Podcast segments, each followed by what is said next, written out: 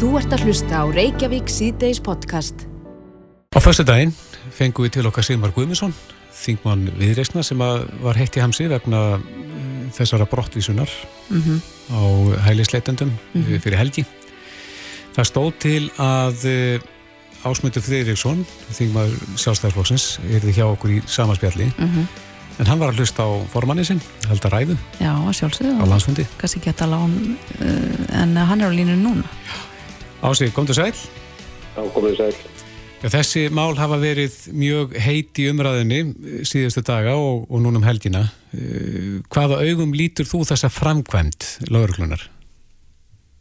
Ég held að lauruglunar séum ekki mjög öfunnsverðu lutverki í, í þessu vefnum eða svo mörgum öðrum sem að snúa því þegar það þarf að sækja fólk sem að hérna, þarf að fara eftir þeim lögu sem hefur gildi í landinu. Þannig að ég hef þetta bara samú með báðum aðlið þessu máli, bæði þessu fólki sem er að koma hingað og og sækja um hæli af ymsum ástæðum og, og ekki allar góðar væntalega en, en, en, en þetta eru bara niðurstafa að, að meðferð mála þessar fólks að, að, að það fær ekki hæli hér eða, eða leiði til að vera hér í landinu af einhverjum ástæðu sem ég veit ekki nákvæmlega hvað er og, og lögurplan hefur það áendis starf að koma því út af flug þegar að náttúrulega streytist á móti eins og oft er með þá sem að vil ekki fara að lögum að þá hérna gerast þannig og, og, og mér finnst að hérna lögum hafi settið undir hérna já, mikil gaggrinni fyrir kannski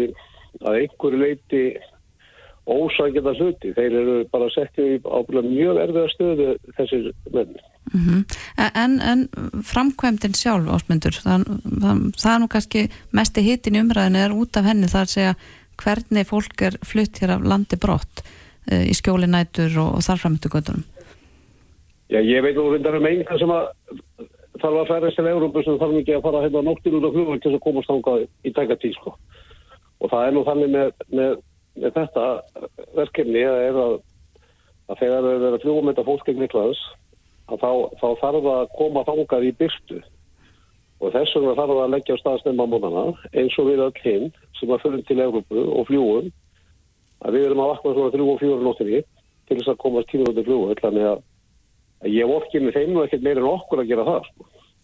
Nei, en svo hefur líka verið gaggrínt eh, þar að segja að það sé verið að senda fólk aftur til Gríklands í, í slæmar aðstæður þar hefur þú skoðan á því, er þetta eitthvað sem að þarf að endur skoða? Ég held að séu þetta mjög mikilvægt að, að, að þetta fólk sem sendi þar aðstæður sem eru bóðlegar og mér, ég, ég bara skil alveg þá umræðu. Ég hef alltaf mótið séð myndir sem hafa byrktinni blöðum af, af þeirra aðstöðu sem er í Gríklandi og ég hef þetta þekkjar ekki persónulega sjálfur en samkvæmt tí vilist hún verið lægi og, og, og, hérna, og hún á að verið lægi og við gerum kröfuru um það að hún sé í lægi og það er nákvæmlega sama hjá okkur. Ég gerum líka kröfuru um það eftir að ég heimsótti hælisleinindur upp á ásbú ekki alls fyrir löngu og kannski einu þingmæri sem hefur gert það ég fór að kynnti með stöðu þessar fólks hér og ég vil bara segja svo er að hún er ekki glæsileg hún er okkur til að háborina skammar Að hvaða leiti þá? Já, það er til dæmis verið að hrúa ungum karlmannum saman í lítil herbyggi mörgum í kójum inn í herbyggi það sem eru jafnvel með eldunartæki hjá sig vegna þess að í, í, í, í hvað 47 herbyggja húsi eru, eru tvær eldavilar og það eru 150 mann sem búa þar. Og þetta er náttúrulega sko, þetta er algjörlega óbóðlegt og, og hér í okkar kjörtami í söðu kjörtami á að fara að flytja fólk til að kumbaravók þar gáttum við ekki verið með eldriborgara í því húsi vegna þess að það var svo mikið mikla í því. Það var ekki hægt að opna glukka það var til algjörlega hábúrur skammar en, en það að fara með hælisleitið til hóka hvaða, hvaða, hvaða, hérna, hvaða uh, munur eru á hælisleitið til okkar besta fólki að, að, að það er að búa við þessa aðstæði sem að við getum ekki búið sjálfum okkur upp á? Mm -hmm. Mér, mér finnst það ekki verið okkur til, fram, til framdráttar. Mm -hmm. En hvernig, hvernig leysum við þetta ásmundur? Við verðumst ekki geta rætt þessi mál ofan í kjölinn. Umræðan fer svona í sitt hvora áttina og við náum ekki nefnir lendingu. Ég var út í Finnlandi í síðustu viku á Norrlanda þengi og þar auðvitað kom til tals þessi, þessi aðgeri sem voru í Íslandi. Nákvæmlega okkar að segja okkur að þar taki korki fjölmilar eða pólitíki þátt í umræðu um, um brottflutning á fólki vegna þess að það er hluti af kerfinu að einhverjir fá ekki hæli og þeim er brottvísað og hérna þar virðist, þar virðist það ekki verið fréttefni. Hér virðist það verið þannig að, að einhver hópur fólks fer á stað og fjölmilandir hérna fylgja því og halda hérna umræðin gangandi og ég heyrði það nú bara eitthvað tíman í morgun held ég bara hvort það var í sjöfréttunum morgun eða hvernig það var. Að það er sko enn fyrsta frétt e, eitthvað sem er að gerast fyrir morgun dögur síðan sko. Og ég held að við séum þetta það er að spila þetta þessa pólitík náttúrulega langt upp í loftið og, og það er að koma hérna alls konar fólk og, og hafa skoðinni á þessu. Ég held að við séum ekki öfusverða því að vera í þessari stöðu Íslendingar að geta ekki hjálpa fleirum en, en eru þegar landinu. Við erum að taka mútið alveg óhenni fjölda fólks. Það er komið um það byrjum 5.000 manns. Það er bara eins og búa í hérna í Vestmannegjum og Viki Myndar til samans. Mm. Og, og þetta hefur þetta einhver áhrif á bæði húsnæðismarkaðin og, og bara getu okkar til þess að sinna þessu fólki að einhverju myndaskap. En er þetta að stinga upp á því að, að við tökum þá á móti færra fólki eða? Ég hef... Ja, hver er lausnin? Já, sko, ég var nú trúlega að gera eitthvað annað en að vera fengmaður ef ég hef lausn á þessu sem örgum að lofa bálum. En ég held að það sé mjög mikilvægt að, að við eigum fyrst og fyrst að taka það fólk sem hefur ekki hæli í öðrum löndum. Mhm. Mm Það, ég held að það sé nú alltaf fyrsta skilir sko, það, það, það eru sömu reglur sem gilda um hælisleitindi hér og í Evrópu. Það er bara þetta er saminu þjóðurnar gera skilgreining á því hver er hælisleitandi. Og mér finnst að þegar fólk hefur þegar fengið löst sinna mála í öðru ríkjum Evrópusambansins sem er nú ekki slæmlönd að þá hérna eigi það ekki rétt á að koma til Íslands til að fá bara efnarslega betra umhverfi eða, eða betra heildriðskerfi vegna þess að að hælisleitindakerfið og þessi kerfi sem við er, erum þáttækjaður í ger ekki ráð fyrir því. Við erum að taka enga að móti kvótaflóttamönnum og við eigum að halda því áfram. Við eigum líka að taka móti fólki sem vil koma hinga að vinna og þeir af hælisleitindu sem eru að koma hinga til þess að vinna og vilja fá aðtöðlefi hér, það er annað kerfi fyrir það. Og, og, og við veitum þegar hér eru þúsundir manna sem hafa komið til landsins til að vinna og nú er mikið samgekni annars vegar að vinnumarkaðarins og hérna þessa markaðar sem að núna vinnumálarstofnið er komin inn á að keppast um húsnæði sem hefur þetta bara alls konar afleifir bæði að hæra leiðu verð og, og, og, og svo er náttúrulega tala ekki um að vera að nota húsnæði sem er bara ekki bólegt. Já. Ef að við færum þá leið sem að sumir hafa kallað eftir að, að hætta að senda uh, hælislendur sem hafa fengið vendi í Gríklandi tilbaka, hvað, hvað myndi það hafi fyrir með sér? Væri við eina ríki sem að væri þá ekki að gera það eða í Evrópu? Nei, sko, ég held að flestin ríkin gera það að, að senda tilbaka. Ég held að, ég ætla ekki að fullera það. Mm -hmm. Ég held að það sé bara, sko, hinga hafa komið upp í 50% af þeir sem hafa komið á, á síðust árum. Að eitt ári var upp í 50% þeirra sem komu búin, þegar búinir að fá vend annar staðar.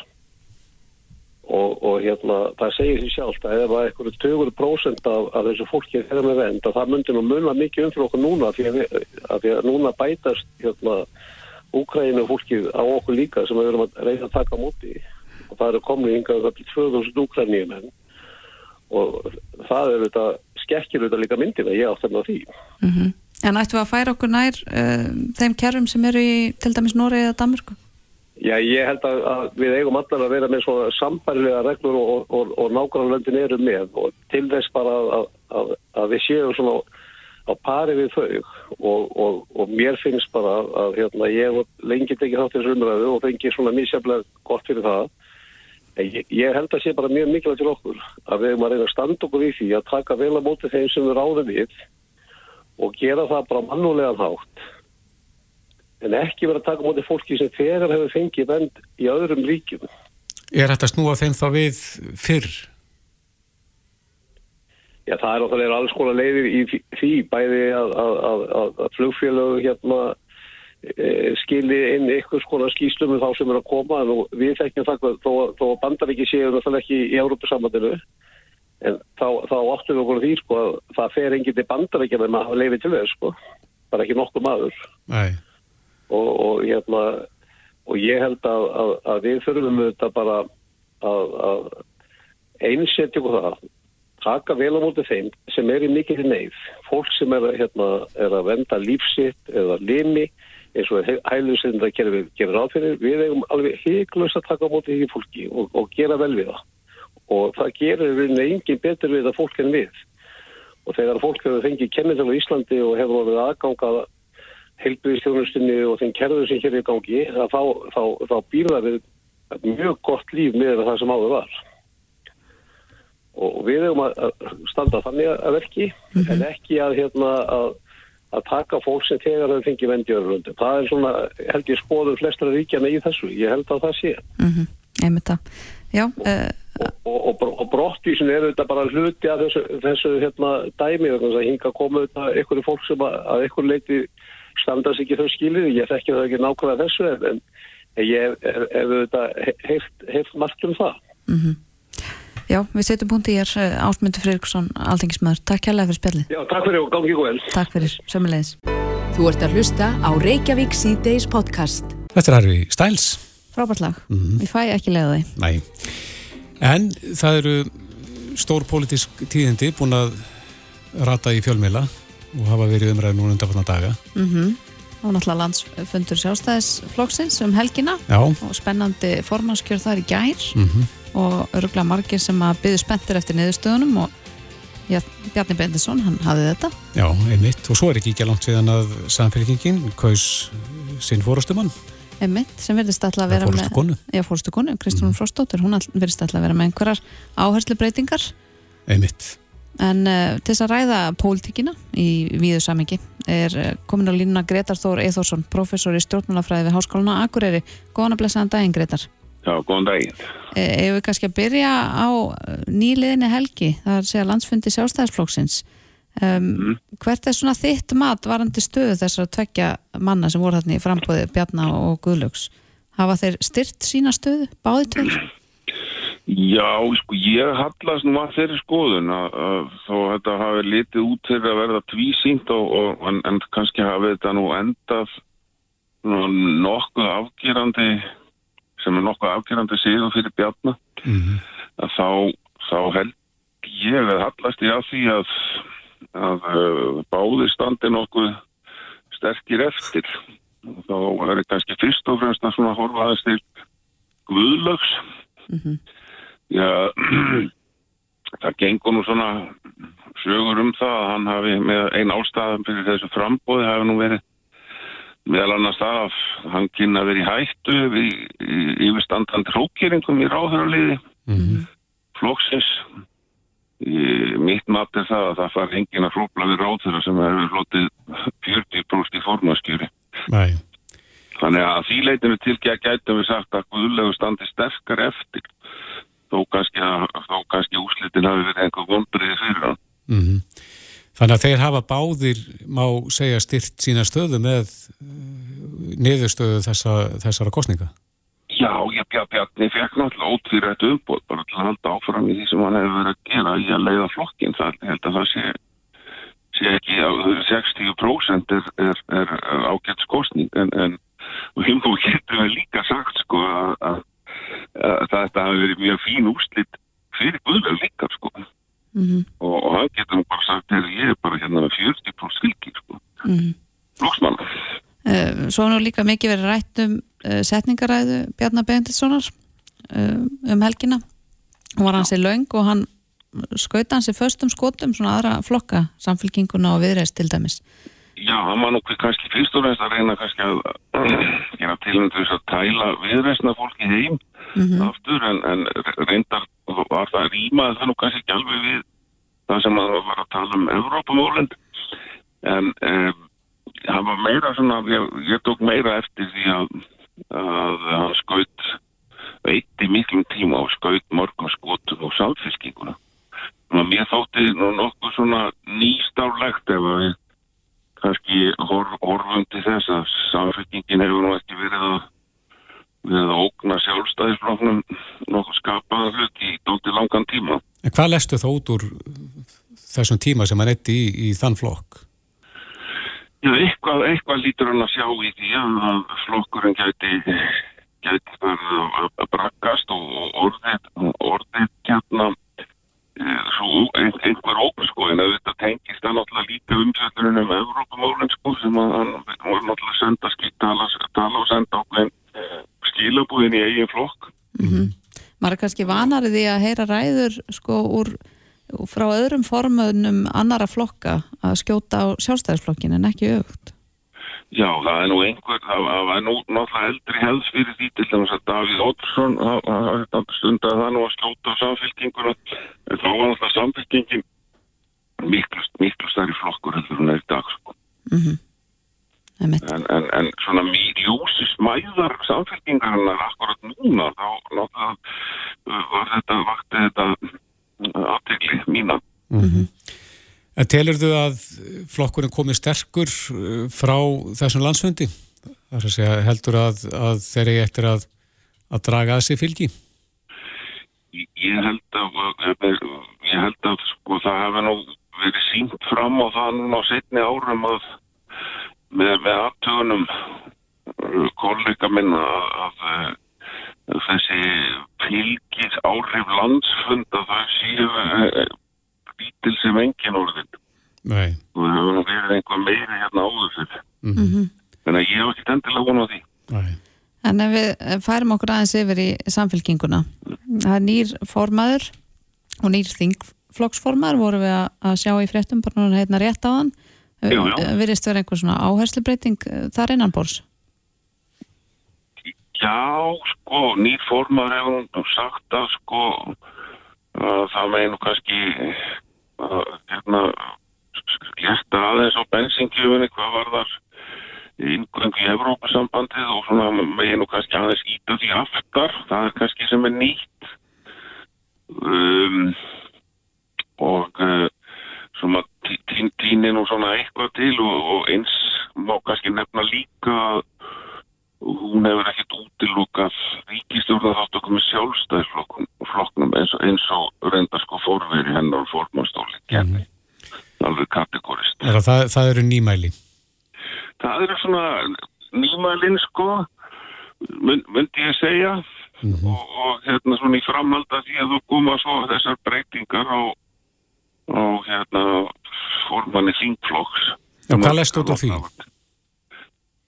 Vita ekki, ég átta mig ekki á því hvort að það sé eitthvað, eitthvað, eitthvað sem varða personur og leikendur hérna á hverðinni, ég bara þekki, þekki ekki þannig innan búður í flóknum hins vegar þá má benda á að um, það kann auðvitað að haft einhver áhrif að um, af sex manna þingflokki samfélkingarnar þá eru fimm þingmenn í raun og veru búsettir á höfuborgarsvæðinu og, og, og í 50 km ratís frá því. Mm -hmm.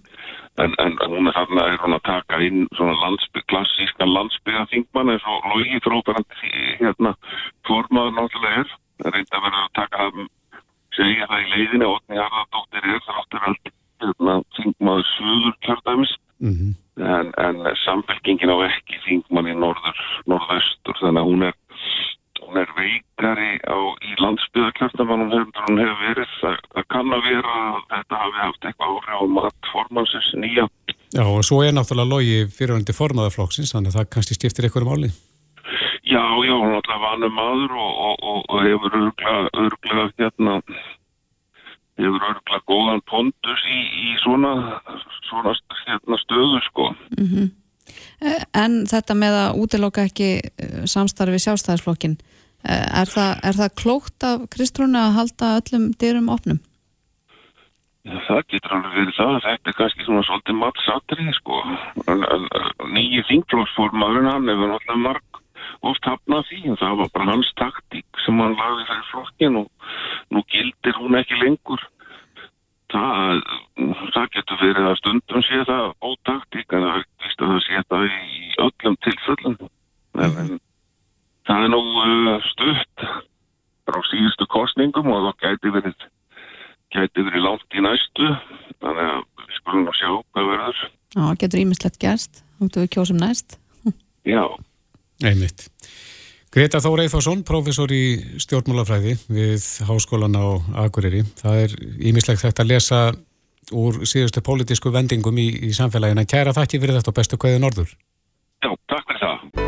Þetta er Reykjavík C-Days podcast. Málefni meðferðar heimila, heimila hafa verið mikið í umræðinu upp á síkastið eða undarferna ár.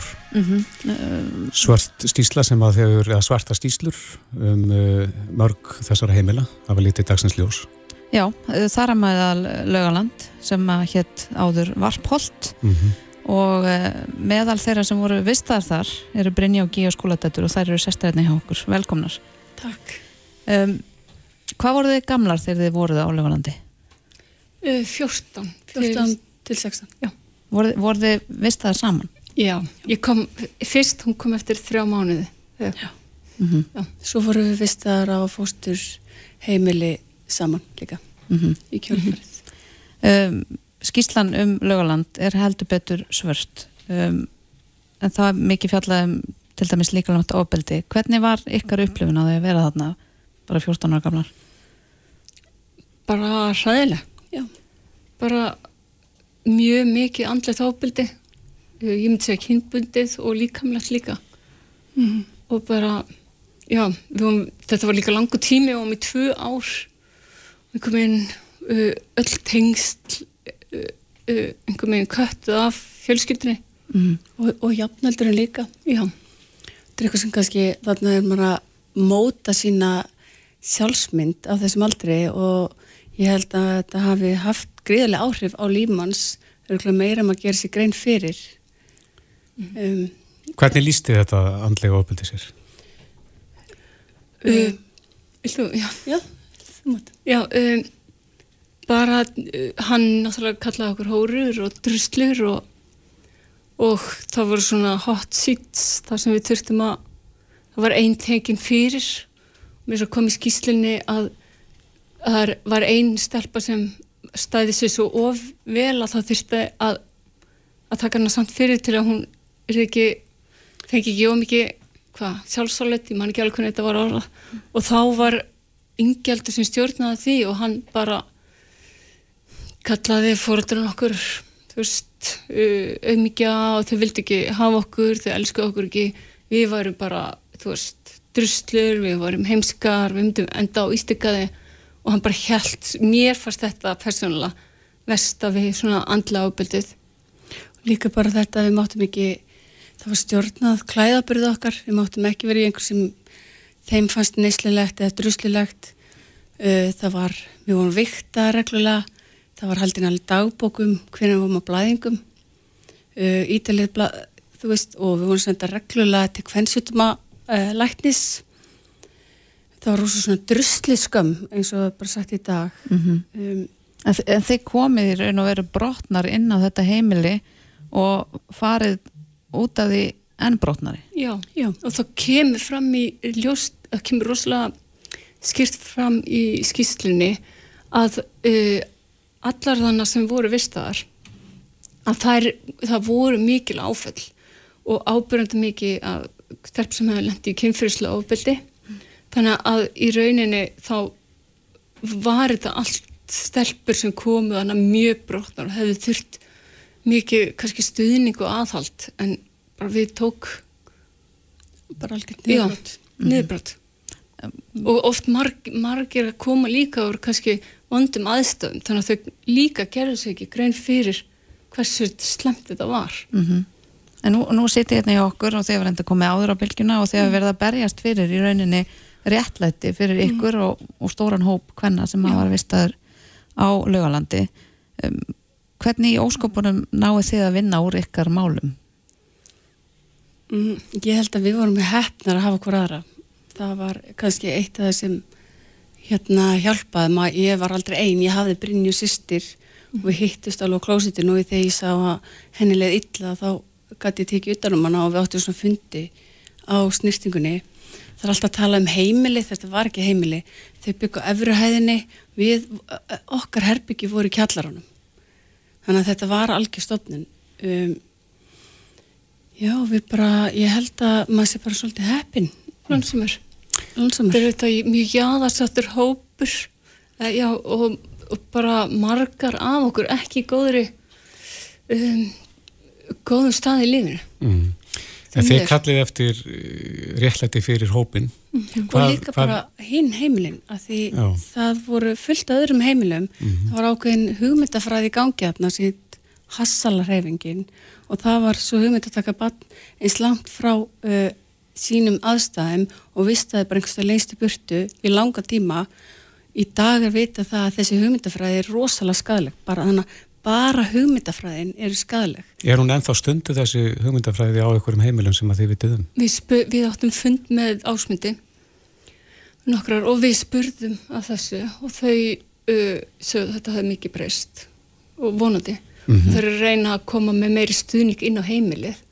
Eins og þegar ég hugsa tilbaka þá, þú veist, það hefði örgulega verið besta í okkar aðstæða að koma með stuðning inn á heimilið okkar og fóröldra Svona áfalla miðuð Áfalla miðuð, já mm -hmm. Mm -hmm. Veist, það er það sem við vorum að spyrja er þetta áfalla miðað mm -hmm. því í rauninni er það held ég bara megin þráðurinn og, og þú veist 14 ára úlingur sem er búin að, þú veist, með mikinn haugðan á vanda og kannski byrja að þróa með sér fyrtni, þú veist ég held að það hans er ekkit alltaf bara vandamáli, það hefur eitthvað gengið hana áður mhm og líka bara eins og Rótil gerði e, úttækt á lögulandi lögulandi er bara allt annað heimil í dag. E, og það var komið meðal annars að því hversu skadalegt það er þetta þreipakerfi, það hegðun að miða það mótel sem er allstar í kerfinu en þá e, það að láta börn alltaf þegar vera stilt sérstaklega konur líka, allt samfélagi segja okkur við erum að stiltar, prúðar. Þú far velun ef þú ert stiltur refsingu, þú er, ert það ekki mm -hmm. um, í staðin fyrir að horfa á hegðununa, hvað er hegðununa að segja okkur? Fari í rótvandans Fari í rótvandans og mm -hmm. það er ákveðin forðun að gera það en þann daginn dag, ég vonandi er þetta breytast En, en talandum uh, fundin ykkar með ásmundi einar mm -hmm. dagarsinni, hann og batnamálur aðra uh, þið byggðu lengi eftir þessum fundi uh, og þið fenguðu hann lóksins í síðustu vöku mhm. hvernig var þess fundur? Hvað kom fram á þessum fundi? Mhm. Við vorum bara fá upplegaðan bara mjög góðan. Við fengum engin svona ákveðin svör við fengum reynda svör að það okkur staðist bóða einhvers konar uh, stuðningur, sálfræða stuðningur eða eitthvað. Uh, og að sannilega getur við að þau myndu leggja fyrir alþingi að við getum sótt uh, sanginnisbætur og svo rættu við bara mikið um akkurat hvernig þessi nálgun er í dag og við vorum að spurja hvort hún var í áfallamiðið og já, það fór mikið að fundunum í þetta mm -hmm. og hvað við fórum líka yfir um, hvað það hefði mátt fara betur varðandi uh, vinnuna á skýslunni þá aðeins samskiptilega séð Og hvað mátti fara betur þar? Það var bara rosalega mikið samskiptaleysi um það voru mikla tafir. Við fengum aldrei almeinlega útskynningu á þessum töfum. Um, þannig að það var kannski sagt bara í lók februar svo bara komið miður mass og þá þurftum við að spyrja af hverju er hún ekki komin. Uh, hún var byrt bara uh, við fengum bara SMS ég reynda að fekk e-mail kveldið áður bara það, hún verið byrt á morgun. 200 blaðstíðina uh, rannsókt af akademísku efni, það er ekkert fyrir alla að fara yfir þetta. Akkur var ekki búið að fara yfir uh, rannsóknana með okkur sem vorum þarna. Við fengum aldrei þessa tilfinningu að við uh, svona eignarhald á þessari rannsókn og ekki enn þann daginn dag mm -hmm. og til dæmis það að við, það er eiginlega sama hvað niðurstan var svo að þau gáttu ekki sagt, það var ekki já, gáttu ekki sanna að það var líka litt ábyldi uh, samt segju við 80% af okkur sem þau tóku viðtal við hafa orðið fyrir líkanlega ofbildið þarna eða orðið vitnaði mm -hmm. uh, okkar vitninsbyrjur enn þann daginn dag ekki tekið trólir Lendu því í því, þessu líkanlega ofbildið hvernig líst þið það sér? Um, reyndi mér í stiga. Já, og hverkatak já, eitt reðst hann bara alveg á mig og held mér yðri og, og bara þannig að ég átti rétt með anda og mm. Þannig að skíslan er svört en hún ætti raunin að vera enn svartari. Já, út af því að það er alveg saman hvað hitt er gott eh, ef við fáum ekki lengur, ef við fáum ekki viðkenningu á því að það sem við segjum er bara mm -hmm. uh, trúverðilegt þá er þetta svolítið endur upplöða þetta og það kom læknir fram, steg ofinbillega fram nafnlaust og saði frá því að það var kallaði Rút á Laugalandi og þar var stelpa sem með áorka á enninu og hún saði að yngjaldur aðhrengt sinni í stígan. Það er alltaf það sama, aftur og aftur. Mm -hmm. uh, áður hann fór staðinn þá sagði uh, lauruglan við hann að hann ætti ekki að trúa neina sem við segðum að því við varum bara þannig stelpur. Uh, þetta viðþorf er ennþá til staðar í dag mm. eftir alla mítúbildinguna og allt þetta og, og viðþórsbreytingu í samfélum viðsverum heiminn þá er ennþá bara, nei, e, það er ekki að sanna það að því það er ekki einhver sóligögn sem bæða vegi að þau höfðu ekki heimildi til að abla eins og sjúkraskíslur sjúkraskíslur, lauruglaskíslur þannig að þau höfðu bara heimildi til að byggja á okkar e, set, viðtölum og það sem þau fengur frá batnaðanda stofu eða nefnt En varandi þessar sangetninsbætur um, nú las ég einhver starf að þetta breyting á lögum til þess að þið geti sótt um þær. Er það rétt skiljið á mér? Já, það er það voru hérna uh, hvað heit aftur uh, Vistemilanemnd Vistemilanemnd, mm -hmm. hún gerði hérna og hún gerði til held í 97 þannig að allt það sem hefur komið eftir það hefur þurft að fara í getum alþingi, sam, vera samþygt og þau bæta alltaf bara við uh, einu heimili við þetta viljum bara að það verði almennt, ekki bara einskurðast við lauðaland því að um, ég, ég tel að það mun koma fleiri heimili mm -hmm. eftir okkur eða. Já, það er alveg ljóst, það voru, það voru önnur úrlinga heimili ég vil ekki kalla þetta meðferðheimila því það var ekki meðferð mm -hmm. ég held mér við vist heimili eða úrlinga heimili uh, starfandi við sömu aðstæður og löguland var og það þarf að skoða þetta þarf að gera þessi mál upp? Það þarf að gera þessi mál upp og á hvert og eitt heimila þarf að fara í gegnum alþingi eh, nota fjölumila eh, byrja sín mál og þetta, þetta eru rosalega jáðarsettir hópar. Það er ekkit allir tilbúinir og hafa ekkit allir kannski bólmag til þess. mm -hmm. um, þeir eru náttúrulega hverginari hættar þessari barndum með langar að skjóta hérna inn í að næsta mándag klukkan uh, 17.30 verður sérst umræðu kvöld um lögaland mm -hmm. uh, á kvennaheimilinu við, uh, á Hallvegastöðum það er á vegum rótarinnar mm -hmm. þið, þið verður þar Já. að opna á ykkar sögu mm -hmm. enn og aftur Já. hvernig líður ykkur? Er þetta verða eitthvað auðveldara að tala um þetta? Já, Já maður verður náttúrulega oft þreytur en þá þarf maður alltaf að hugsa að þetta snýstum miklu starra þetta er um réttlæti, þetta er, snýst ekki um mig personulega, Brynju personulega þetta er bara hluta miklu starra samengi mm -hmm. og það er bara réttlæti um, og það er svona sem heldur manni pínu gangandi já. Þetta verður auðveld þetta, já, þetta var mjög erfitt fyrst, fyrst þetta kom í stundina ég er bara, mér fannst þetta rosalega erfitt mm -hmm. mm -hmm. Brynja og Gíja skóladætur við segjum bara gangi ykkur vel í þessari baráttu ykkar, kæra þætti fyrir komina Takk, Takk. Þetta er Reykjavík C-Days podcast. Ég held að deilist engum að offita getur haft alvarleg heilsufarsleg uh, heilsufarslegar afleggingar í farum með sér mm. og uh, sömur segja nú þetta sé sjúkdómur uh, okkar tíma sá stærsti, það er að segja faraldur offita faraldurinn.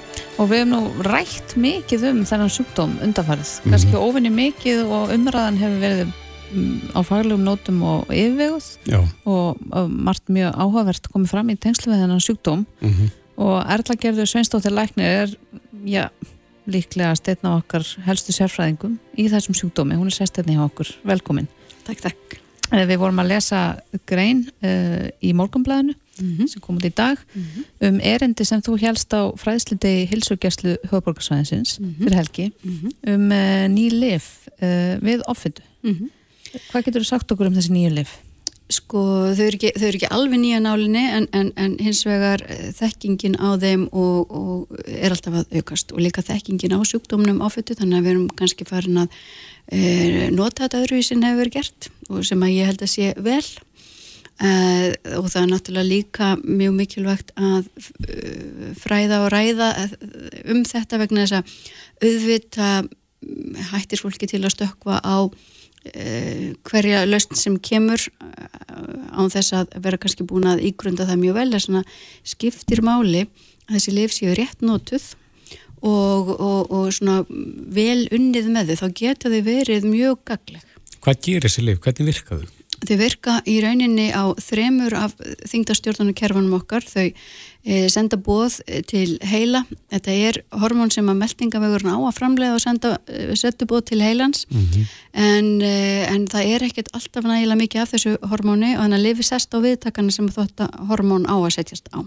Þannig að heilin fær bæði bóðum það er aukinn setjutilfinning og líka minni hungurtilfinning, þetta er svona sitt hvort kerfið. Mm -hmm. Þannig að maður er rauninni minna songur og verður sattur fyrr. Mm -hmm. Svo hægir þetta á meldingaveginum þannig að mæginn tæmi sér hægar en maður er lengur sattur af, af, af máltíðinni og uh, það eru kannski helstu aukvarkanar uh, sem er þá ógleða hægatræði því við erum að hægja á meldingaveginum öllum en við eigum alveg að geta fundið leiðir með það En síðan er eitt viðbútt þetta sem er náttúrulega upphafi sykusíkilif þannig að þetta að, að lækkar blóðsíkur sveplur sem að þá aftur kemur í meira jafn á insulínu þannig að það fer ekki eins mikið af orkunni inn í fétuvefin. Mm -hmm.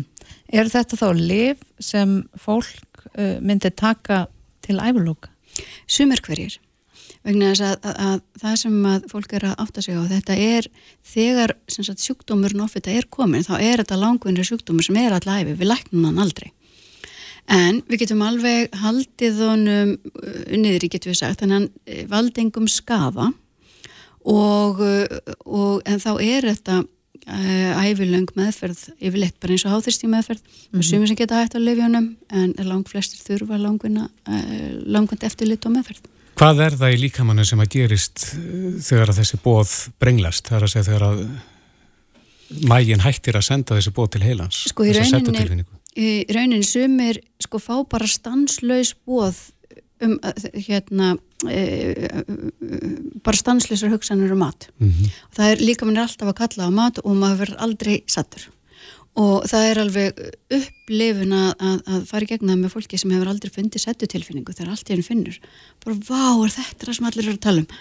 Að hérna að, og í náttúrulega samfélagi sem við búum í það sem er sko endalust frambóð og stanslist áreiti af, mm -hmm. af þessi þá, þegar heilin er ekkit að stoppa það.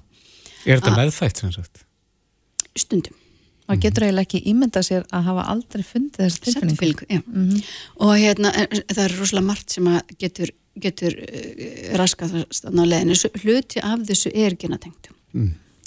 en það er rosalega margt í uh, bæði okkar lefnarhátum þjóðfélagi sem ítir undir ójafnvægi á þingdar stjórnunar kerfin okkar. Mm -hmm. streyta, uh, rugglingur á, á hérna líkamsklukkunni það, og allir þessi, allir þessi hraði og allt svona, við erum að borða mikið unnin mat, við erum ekkert hönnu fyrir það mm -hmm. við eigum að hafa svolítið fyrir þessu og, og hérna að, að við líka mann okkar er að reyna bara að lesa í alls konar skilabóð sem hann skilur ekki alveg og ef að ef hann verður hrættur eh, svo sem eiginlega hvað þessum ógnar honum að þá er mjög ríkt í honum að passa að hérna, halda fyrirföfnum því þannig lifur hann af sko hérna hungusneið sem var en, en hann ger ekki greina minn á hættinni mm -hmm.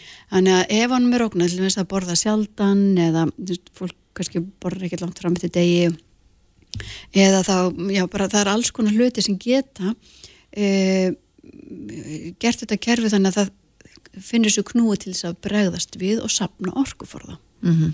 Og þannig að þetta er, þetta er alveg mjög flókið, þetta eru mörg þingdarstjórnarnu kerfi sem við erum með sem að margir halda í alverðin eða þetta snúst um kaloríir í nót en það er bara svo óbúslega margt sem gerist þannig viltíðinni En var þessi afsakið, var þessi nýju liv er þess að byrjað að prófa þau?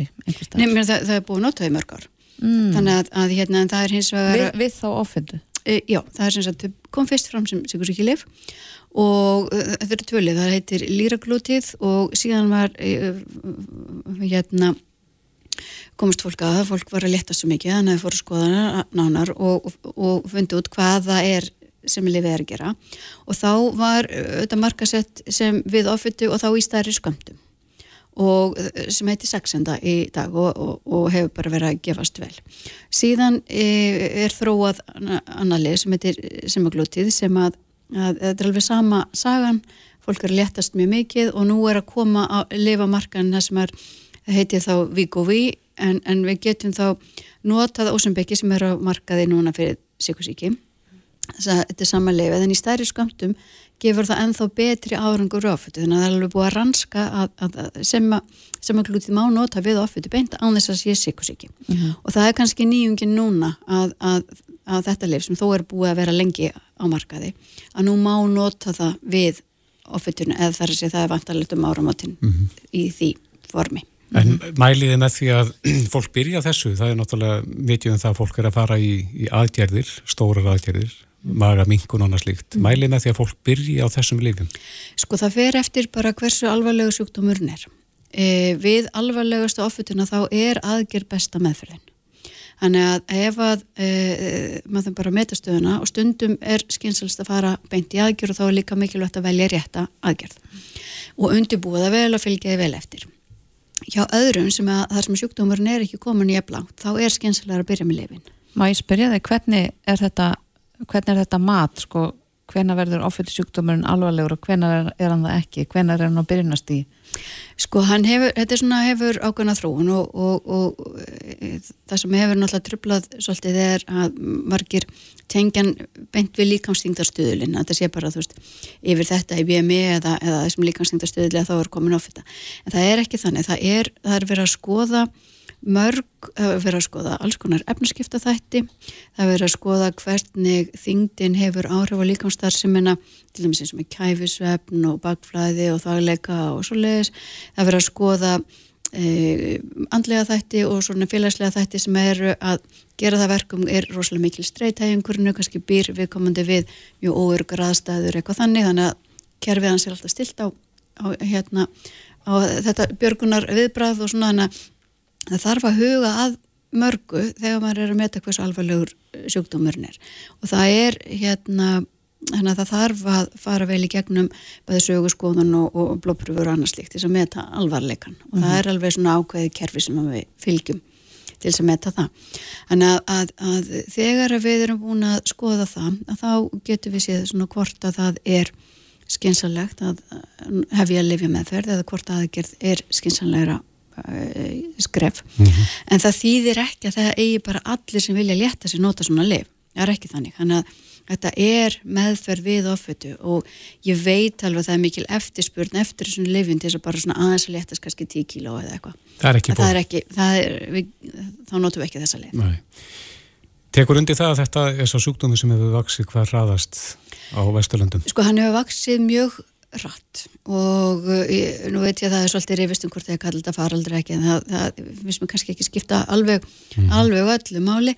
En þetta er, það er eitthvað í okkar samfélagsgerð sem er ekki að passa líkamannum og mér finnst við bara að reyna að skilja hvað það er lesa betur í, að reyna að skilja líkamann betur og, og, og, og sinnunum betur þannig að hann nái að starfa í því jafnvægi. Því að Offuttu meðferð snýstum að koma jafnvægi á þingdastjórnkerfin, hún snýst mhm. ekki um að letast þannig að ef við reynum að lesa aðeins meira skoða svefnin og streytuna og áfullin og þarmaflórun og þú bara alla þess að þætti sem er að stýra þessum kerfum að hérna í staðan fyrir að einblýna á einhverja tegund af mataræði eða kaloríur eða, eða, eða keira sér út í ræktin eða eitthvað svona. Mm. því að, að engar öfgar þarna eru til góðs. Það er, það er það er, aukast reytust uh, hérna, ástandið í þessum kerfa. Að þú segir að það er eitthvað sem er að valda þessu. Mm -hmm. uh, hver er besta kenningin hinga til? Að, sko, besta kenningin það er náttúrulega færði mína. Mm -hmm. Það er hérna... Endilega. hérna, nei, ég held að, sko, ef að, hérna, það getur verið með margt sem tröfla þessi kerfi. Ef við náum jafnmægi ásinn þingdastjórnarkerfum, líkams klukkun okkar til dæmis, ef að við virðum hvernig líkamenn er byggður og hannaður og gefum hann með alltaf verkfæri og sviðrum, hann er að leita eftir öryggi og stöðuleika ekki eftir sífælt nýjum svona e, bombum. Að hérna ef við veitum honum öryggjastöðuleika e, hérna, nærumst vel og reglulega, reyfum okkur hæfilega, sofum vel e, sinnum svona sálinni og svona að þá nær líka miklu betra að vinna með, minna, svo getur genin verið alls konar og stundum þurfum við alveg að hjálpa honum þó að lífshættirnar okkar séu alveg mjög fínir mm -hmm. en hérna þannig að, að reyna að koma eins miklum stöðuleika og öryggi á, þannig að líka maður getur starfað sem best og það þýðir lítið unnin matur og, og svona. Og reyna svo að skilja hvað hann er að segja og veit hann að þau hjálpar það ekki sem hann þarf. Þannig að í stuttum áli að vera betri við okkur sjálf. Mm. Nákvæmlega. Mm. Erla eh, Gerður Svinstóttir Læknir, takk kærlega fyrir spjallið. Takk fyrir. Reykjavík síðdeis á Bilginni podcast. Já, við höldum áfram og ætlum að velta upp spurningunni hvað myndi gerast ef við erum allt í hennu sambandslaus við umheimin? Það er erfitt að ímynda sér það. Já, og það er pínur lítið ókveikjandi líka. Já, en þannig að mennur er fættin að spá í þetta og sérstaklega eftir að stríð byrjast út í Európu og rúsariðist inn í Úkrænu. Mm -hmm. Og mennur er nú fættin að tala um það að hugsanlega séu sæstrenginir okkar í hættu. Jú, uh, og Áslega Arna Sigurbjörnsdóttir, háskólaðinnar um viðbræðsæfingu sem nefnist Ísland óteng mm -hmm. sem að uh, hefst í, eða, er í undirbúningi á næsta ári, þar sem verður svona kannad. Mm -hmm. Hvernig það verður ef við missum þetta sambandu um heiminn? Það er búið að framkvæma áhættum atskilst okkur uh, varandi þessi mál Já, hún er sestið það hjá okkur unnur Kristín Sveinbjarnadóttir og hún er sviðstjóri stafræns öryggis hjá fjarskiptastofu. Velkomin. Takk fyrir. Já, hvernig stendur kærifísi núna með við ykkar mat? Svona við okkar mat, við erum uh, hjá fjarskiptastofu og í minni deild erum við að, að framkoma áhættu mött mhm. -huh. og við höfum uh, nú nýlega lokið almennu áhættu mati fyrir helstu fjarskipta innviði landsins og þetta er gert að beðni þjóðuríkisráðs og, og þjóðuríkisráð hefur verið að, að fara yfir svona krítiska innviði yfir landið og beðja viðkomandi aðeilum að áhættu meta mm -hmm. e, þá, þá innviði og þá sektora, svo. Og við erum ekkit undarskilið þar fjarskiptstofu og fórum í, í framkvæmda almenna áhættu mati fyrir mikilvægastu fjarskiptinnviði sem að laug núna í byrjun árs. Mm og það er nú hérna og tilugur sem við setjum þar fram og sumar getur við framkvæmt og sum, sumstar þurfum við stuðning og laga, mögulega lagabreitinga við til þess, að, til þess að halda góðu starfi áfram. En í kjölfarað því hérna í, í februar þá breytast aðstæður svolítið að, og það er þessi innrás Rúslandin í Ukrænu og, og við förum að diffka þá ákveðna þætti uh, með því að fara í sértakt áhutum aðkvöldu við það þar sem við vinnum með stæstu fjarskiptu fyrirtíkunum á ný bara til þess að greina og meta mögulega nýjar sviðsmyndir og aukna líkur á ef eitthvað myndi gerast hér og hérna Erum við berskjölduð? Sko við erum alltaf bara tengt með þessum strengjum út eins og mhm. staðinni mm -hmm. núna en það er engin að segja að það séu aukna líkur á að það mun eitthvað gerast við þessa strengi Eru tveir strengi ekki... til Evrópu? Það eru tveir strengi til Evrópu, það er Faræs sem mm -hmm. fer frá, frá Seyðisverði og til Skotlands og svo er það Danæs sem fer frá Landum og, og til Danmörkur. Mm -hmm. Það er þessi tvei sem tekið okkur til Evrópu og svo er þriði strengurinn sem heitir Greenland Connect sem að fer frá Landæsandi líka og norðin til Ganda í rauninni.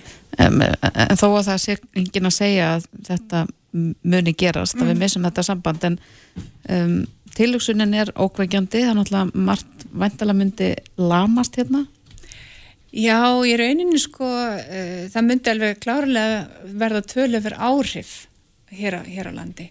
Hins vegar er það náttúrulega fyrst og fremst það sem við reyðum okkur á útlandasambund fyrir okkurna þjónustur. Uh, eitt af því sem kemur fram í þessar áhættumati, þessu sértak áhættumati er að, að öllu líkitum munum bara innanlands, talsíma og farsíma þjónustu annað muni virka, mm -hmm. innlend internet þjónusta muni virka. Bankaþjónusta? Hvað segir þú? Bankaþjónustan og slíkt? Já, það þarf náttúrulega að greina hvern og eitt svolítið vel. Mm -hmm. Þegar fer svolítið eftir samsetningu kerfa hjá aðilum og hver, hvernig þeir hafa byggt upp sína þjónustu.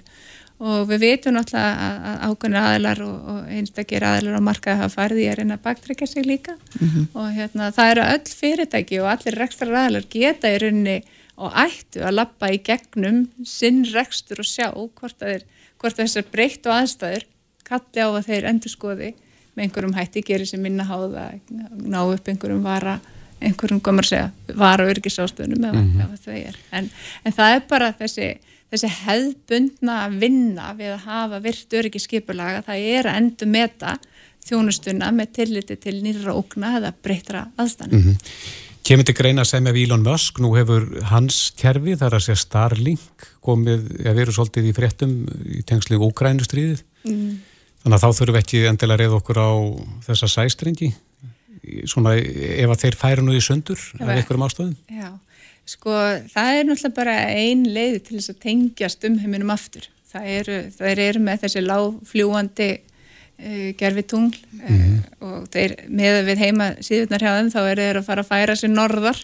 Við erum ekkert físilegur kostur svona markaðslega að, að fara þetta norðarlega á, á nöttin en það eru fleiri aðila sem eru með, með gerfin þetta sambandi ef að til þess kæmi. Hverjir eru það? Það er uh, OneWeb er eitt fyrirtæki, ég er nú ekki, ekki mm -hmm. alveg nákvæmlega inn í þeim málum öllum en það eru fleiri möguleikar þar í bóði ef að til þess kæmi. Mm -hmm.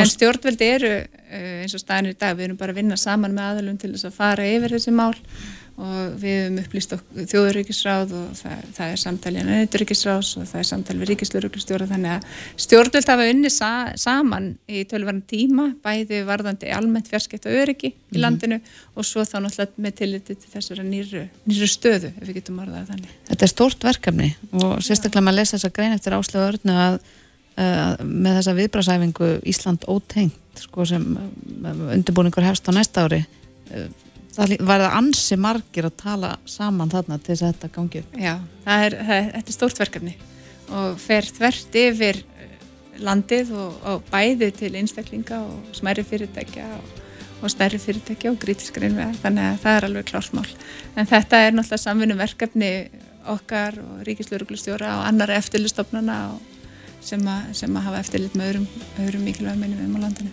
Ég mitt uh, Mér langar að spyrja, örstuðt, við erum alveg að falla tíma, mun almenningur eitthvað verða varfið þessa aðgerð? Kiptið og sambandi? Uh, Kiptið og sambandi. Uh, það er náttúrulega, það kemst náttúrulega kannski ekki inn á erlendar vefsýður eða annars stíkt og, og mögulega munir streymisveitur kannski ekki alveg virka. Að, en, en það sem er hér á Íslandi og hýst á Íslandi og Íslandintinu samband ætti að. Akkurat, Undur Kristins Sveinbjörnadóttir Sveistjóri Stafræn Sörgis hjá fjárskiptastofu kjæra þætti fyrir komina. Takk fyrir mig. Hlustaðu hvena sem er á Reykjavík C-Days podcast. Jæja, COP27 uh, rástefnan er hafinn í Egyptalandi. Jú, og um, Antonio Guterres, aðlutari samanuðu þjóna, var ekkert að skafa af því þegar hann ávarpaði þingið uh, þessar lofslagsrástefni í dag Hann sagði til dæmis e, þar annað hvort sáttmáli um samstöðu í lofslagsmálum mm -hmm. eða sameinlegur sjálfsvíks sáttmáli.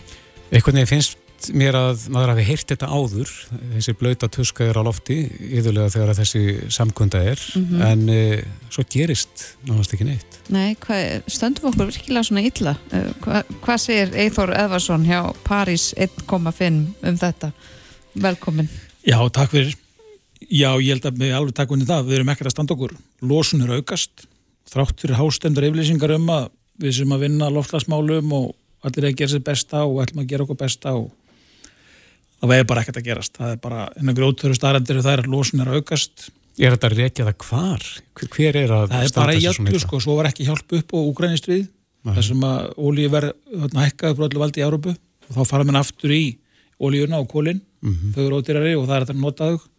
þannig að það var smá bakstæði því. En öllu jöfnu þá gengur þetta bara allt og hægt. Og við erum svolítið bundin á tíma því þetta er ekkert vandamál sem að leysa bara ykkur tíman við verðum með öllum að ná að halda þessu inn að veina halva gráðu línunni og verðum að draga úr losunum helming til 2030 2030, sko. það, það, það er bara handað hodnið. Mm -hmm. En Guterres var mjög harð orður.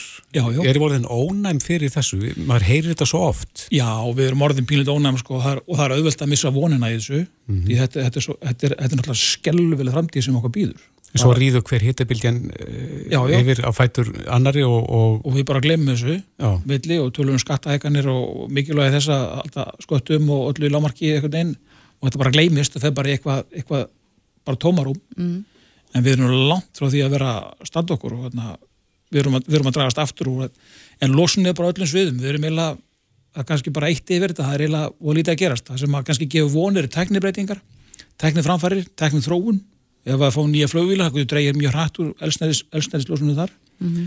og svo alltaf spurningin náðu þess á tíma? Því að ábreyttu förum við í tvær og halva gráðu sem er alveg svakalega mikið. Bara þetta núna erum einu og halva gráðu ná henni. Mm. Og það þýr lósunum helming fyrir, fyrir 2030 sem að vand sé hvernig við náum, það er 10% aukning á Íslandi. Þannig að bara og svo um allan heim. En tvær og hálf gráða það er bara það er, það er ekki gott sko, bara allt annað. Þannig að bara í fyrirsjónuleg framtíð með við lifum munum við sjá alveg ríkala breytingar, stóra breytingar á, á náttúrunni. Já, við, sko, við erum nú farin að sjá einmitt þessa öfga í, í veðri og maður myndi einhvern veginn halda við sjáum alltaf fleiri og fleiri með titabilgjur, það eru fellibilir og hérna á Íslandi fáum við örskriður og ímislegt fleira, maður myndi einhvern veginn halda núna erum við farin að sjá breytingarnar. Sko fyrir nokkrum árum þá var við að tala um losnarsbreytingar og þá vorum við kannski ekki almenlega byrjuð að sjá þær já, já. en hvað, hvað þarf til að við vöknum? Eða? Já, ég, ef þú spyrir mig hvað þarf til við þurfum fyrst og náttúrulega bara stjórnmámenn sem þú er að taka á þessu það er nummer eitt, bara vandamál er ekkert flóki í sjálf og sér, það þarf að taka, það er ákvæðan að taka. Við Íslingar, við erum náttúrulega með verstu þjóðum í heimi, það er leitun af þjóðum sem að standa sig jafn vel og jafn illa á Íslandingar, ég held að það sé bara tvær þjóður sem að getið fara fram úr Íslandingum í hversu illa að standa sig, þannig að við erum með heimsmet næstu í losun per haus. Á Íslandi er þetta ekki svaklega flókið. Það vitað til og með setna á heima hjá okkur því, því hver þjóð þarf svolítið að standa, standa við sitt en við erum ekki að gera það ef við skoðum bara á Íslandi þá eru þarna, af þessum 14 miljónur sem eru ofnberar sem eru með, þá eru rúmlega helmingur úr framræstu völlandi það er aldrei talað um það, það er ekkert að gerist í það er bara beð og eitthvað við ríki skuldbætt sig til þess að þarna, vinna Paris 1.5 samkónleginu sem því það, það er ákveðin aðrið sem að tilhæra því sem ríki er að gera. Og það eru samgöngur, samgöngumálinn, orkusskýri samgöngum, það er bara smá hlut á losunni og þó við tökum það og kláru það, að, að muna voða lítið um það. Það var allar hína miljónir eftir sko, það er ekki eins og miljón tónum samgöngunar. Þannig að stjórnmálmenn þurfa að vera harðari við okkur? Já, bara, það þarf bara að taka sér svo hvert eru verkfræðilega vandamáli.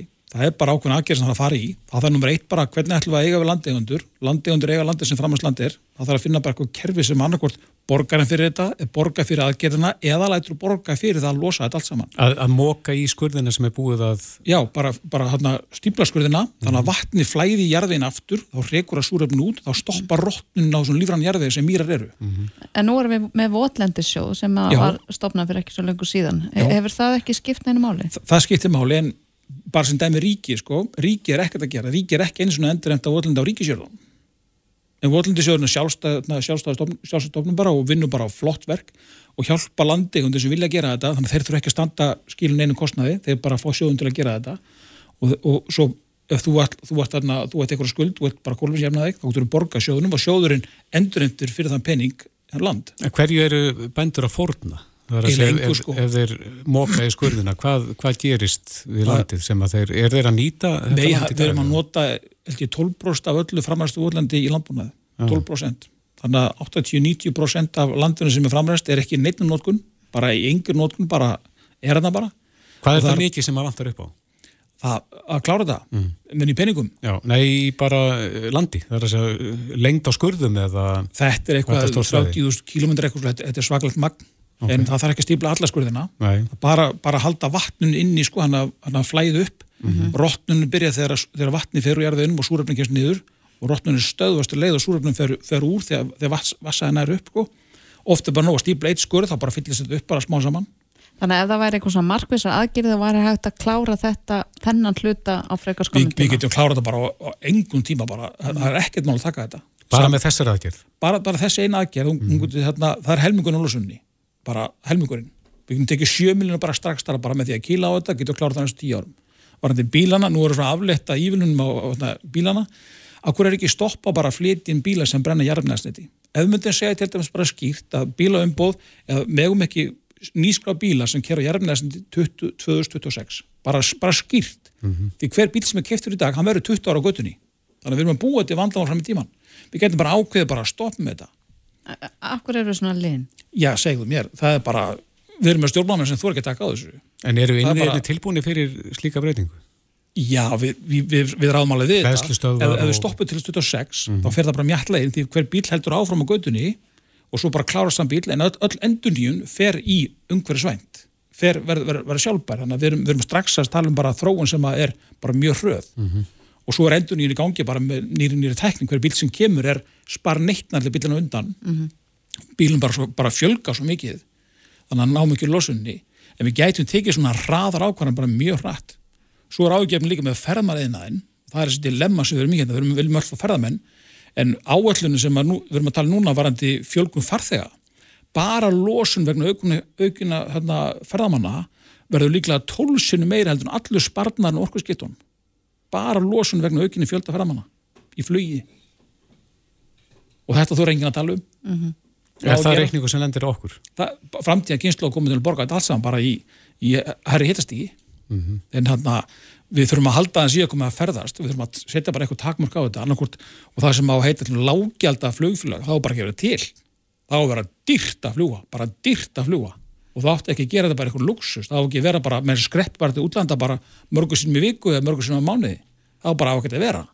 Þetta á að vera dýrt, þetta á að vera luxus því þetta er gravalvægt vandamál. Mm -hmm. En verður það ekki þá til þess að þeir sem hafa minni tetjur að þeir bara get ekki ferðast? Það verður eitthvað að setja mörgin að þetta kompensera þetta eitthvað neina. Það er flóknar vandamál hægt að leysa en, en þetta verður maður að taka sömraðu það gengur bara ekki upp. Mm -hmm. og að kenna allir fólki að ferðast, ef þú ferðast til dæmis fara frekar lengri ferðalögu í einu ekki vera að hoppa millið fram og tilbaka fara, fara, frekar, fara það frekar á staðin og verður lengi og ef þú ferður reyndu að taka lestir svona ódýrari hérna, reynda að taka bíl sem einhvern veginn ekki þá, hugsalega spannandi bíl ekki fljúa, flug er rosalega mengandi -hmm. sérstaklega stóru, stóru flugöldar mm -hmm. Þannig að ef við komum okkur yfir á meginlandi og viljum ferðast um það að reyna að vera í les Það er strax betra, mm -hmm. það er stór minga þetta niður með því að fara vinna þetta svolítið öðruvísi þannig að við sem ekki bara fljúa endalust fram og tilbaka mhm. stoppa verður lengur ferðastu þar En svo eru háleitar uh, framkvæmdir framöndan í fluginu, það er að segja orkuskipti í fluginu hér, hér í Erlands. Það lítur að skipta máli. Það skipti miklu máli og það, það, það er bara, bara flott þróun, tekninn þróun sem hefur verið að eiga sér stað. Það er bara spurningin náðu þessu nú rætt inn því við erum að falla á tíma. Ef við ætlum að halda 1,5 gráðin, þá erum við að draga um næstu 50% á næstu 8 árum sem er rosalega mikið. Mm -hmm. Náðu við því, ég veit það ekki alveg sko, en hérna Hvert stefnu við þess að hvernig verður umhór sér ef við höldum þessu áfram eins og við erum að gera núna? Hvað gerist? Hérna á Íslandi? Mm -hmm. Já, til dæmis. Já, það, óviður komið til að fjölga bara eins og við erum að sjá núna og hérna hitast því að breytast og sérstaklega hækkunin er, hitast hækkunin er mjög mikilvægt að norður, norður frá sem því það til dæmis að, að fiskistofna komið til að færa sér til. Við erum að fá tegundir sem voru ekkert veit af Íslands strendur, hérna komið alveg upp undir hafur, komið skötusel til dæmis sem veitu bara í ströndina hérna, sem var einu snú bara langt úti Þorskurinn og allar þessi fiskitegundir stjórnan svolítið að heitast í. Það er elda átuna og sem er í sjónum og allt þetta stjórnan verið minna að heitast í hennu. Þannig að þegar, þegar, þegar þetta hlínar þá breyst þetta og það með þessi hýtabilgjur í hafinu. Það lítið tala um þær.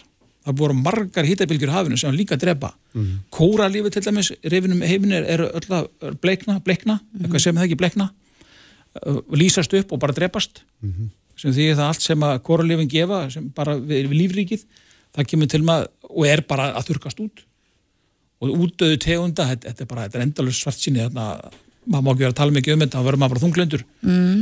en við, það þarf að taka sákurinn og við þurfum bara að hugrakka stjórnmáminin sem þóra að taka sákurinn, við þurfum að fara í ringráðsækjurið þurfum að hætta, hætta að kaupa vörur sem los alveg svakla mikið, eins og til dæmis rautkjöt mm -hmm. það vita ekki margar íslenska fjallalambið þetta ferska íslenska hérna náttúrulega að losa gríðarlega mikið af koldvísningi per kíló af kindakjöti losa 28 kíló að síða á tveimur.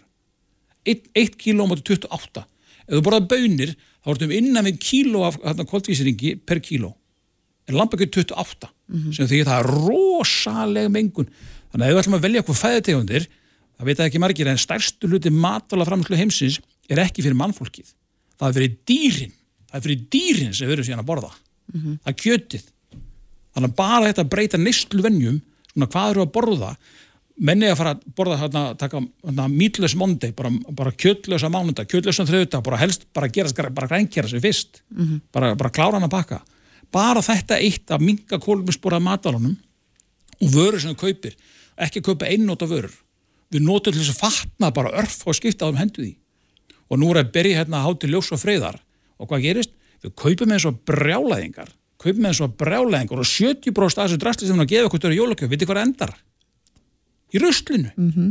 í röstlinu, sko núna... innan við, við fjóra, fjóra mánuða mm -hmm. þá stærstu lutan þess að koma í röstlið en, en við vitum þetta allt og við hugsaum, við erum hérna örþjóð einhverstur út í hafi, skiptir einhverju máli hvað við gerum?